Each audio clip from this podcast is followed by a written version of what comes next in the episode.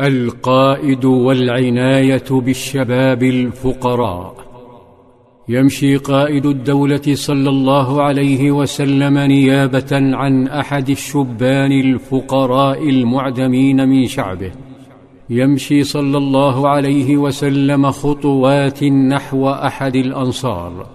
فلهذا الأنصاري بنت ارتوت بحب نبيها صلى الله عليه وسلم.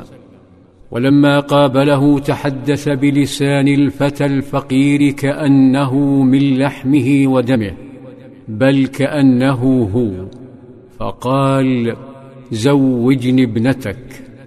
استبشر الرجل واستنار وجهه ونبي الأمة وقائدها يخطب ابنته فقال نعم وكرامة يا رسول الله ونعم عيني. فإذا بطلب رسول الله صلى الله عليه وسلم يصدمه حين قال إني لست أريدها لنفسي. فقال والد الفتاة فلمن يا رسول الله؟ قال لجليبيب. هنا شعر الرجل بعدم التكافؤ. شعر بشيء قد يثير إشكاليات في منزله فقال يا رسول الله أشاور أمها. سكت النبي صلى الله عليه وسلم فالزواج عقد وأهم ما في العقد الرضا. انطلق الرجل إلى بيته ولما دخل نادى الأم فانتحى بها عن البنت التي رابها أمر هذا الانزواء. فقال لها رسول الله يخطب ابنتك. ففرحت وقالت نعم ونعمة عيني. فقال إنه ليس يخطبها لنفسه إنما يخطبها لجليبيب. سارت ثائره المرأة رافضة هذا الجليبيب الذي لا مال له ولا جمال.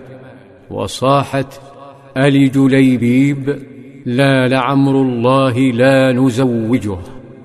انتبهت الفتاة على صوت أمها فاقتربت فإذا الحوار عنها فاقتحمت مجلسهما قبل أن ينهض والدها إلى نبيه. دخلت وتصدت للأمر الذي يقضى دون مشورتها مع أن القضية قضيتها. فقالت من خطبني إليكم فأخبرتها أمها فتحولت الفتاة إلى معلمة لوالديها وقالت ثقة بربها وطاعة لنبيها أتردون على رسول الله أمره؟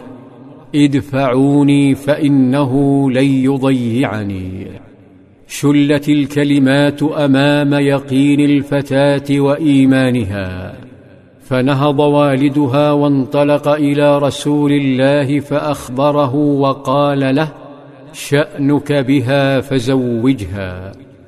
زفت الفتاة للفتى الفقير وما هي إلا أيام وإذا بهجوم وثني على دولة الإسلام.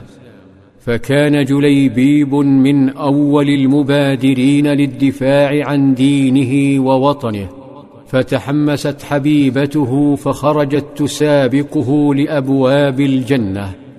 انطلقا مع الجيش خلف نبيهما صلى الله عليه وسلم.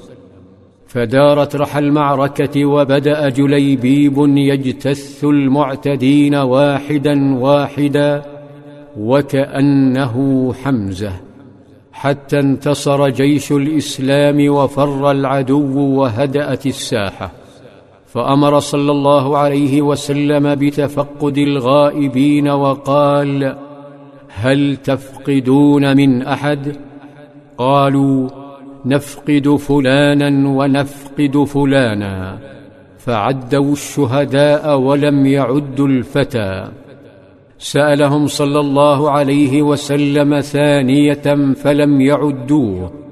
سكت فتلفت قلب النبي القائد صلى الله عليه وسلم يبحث عن حبيبه جليبيب.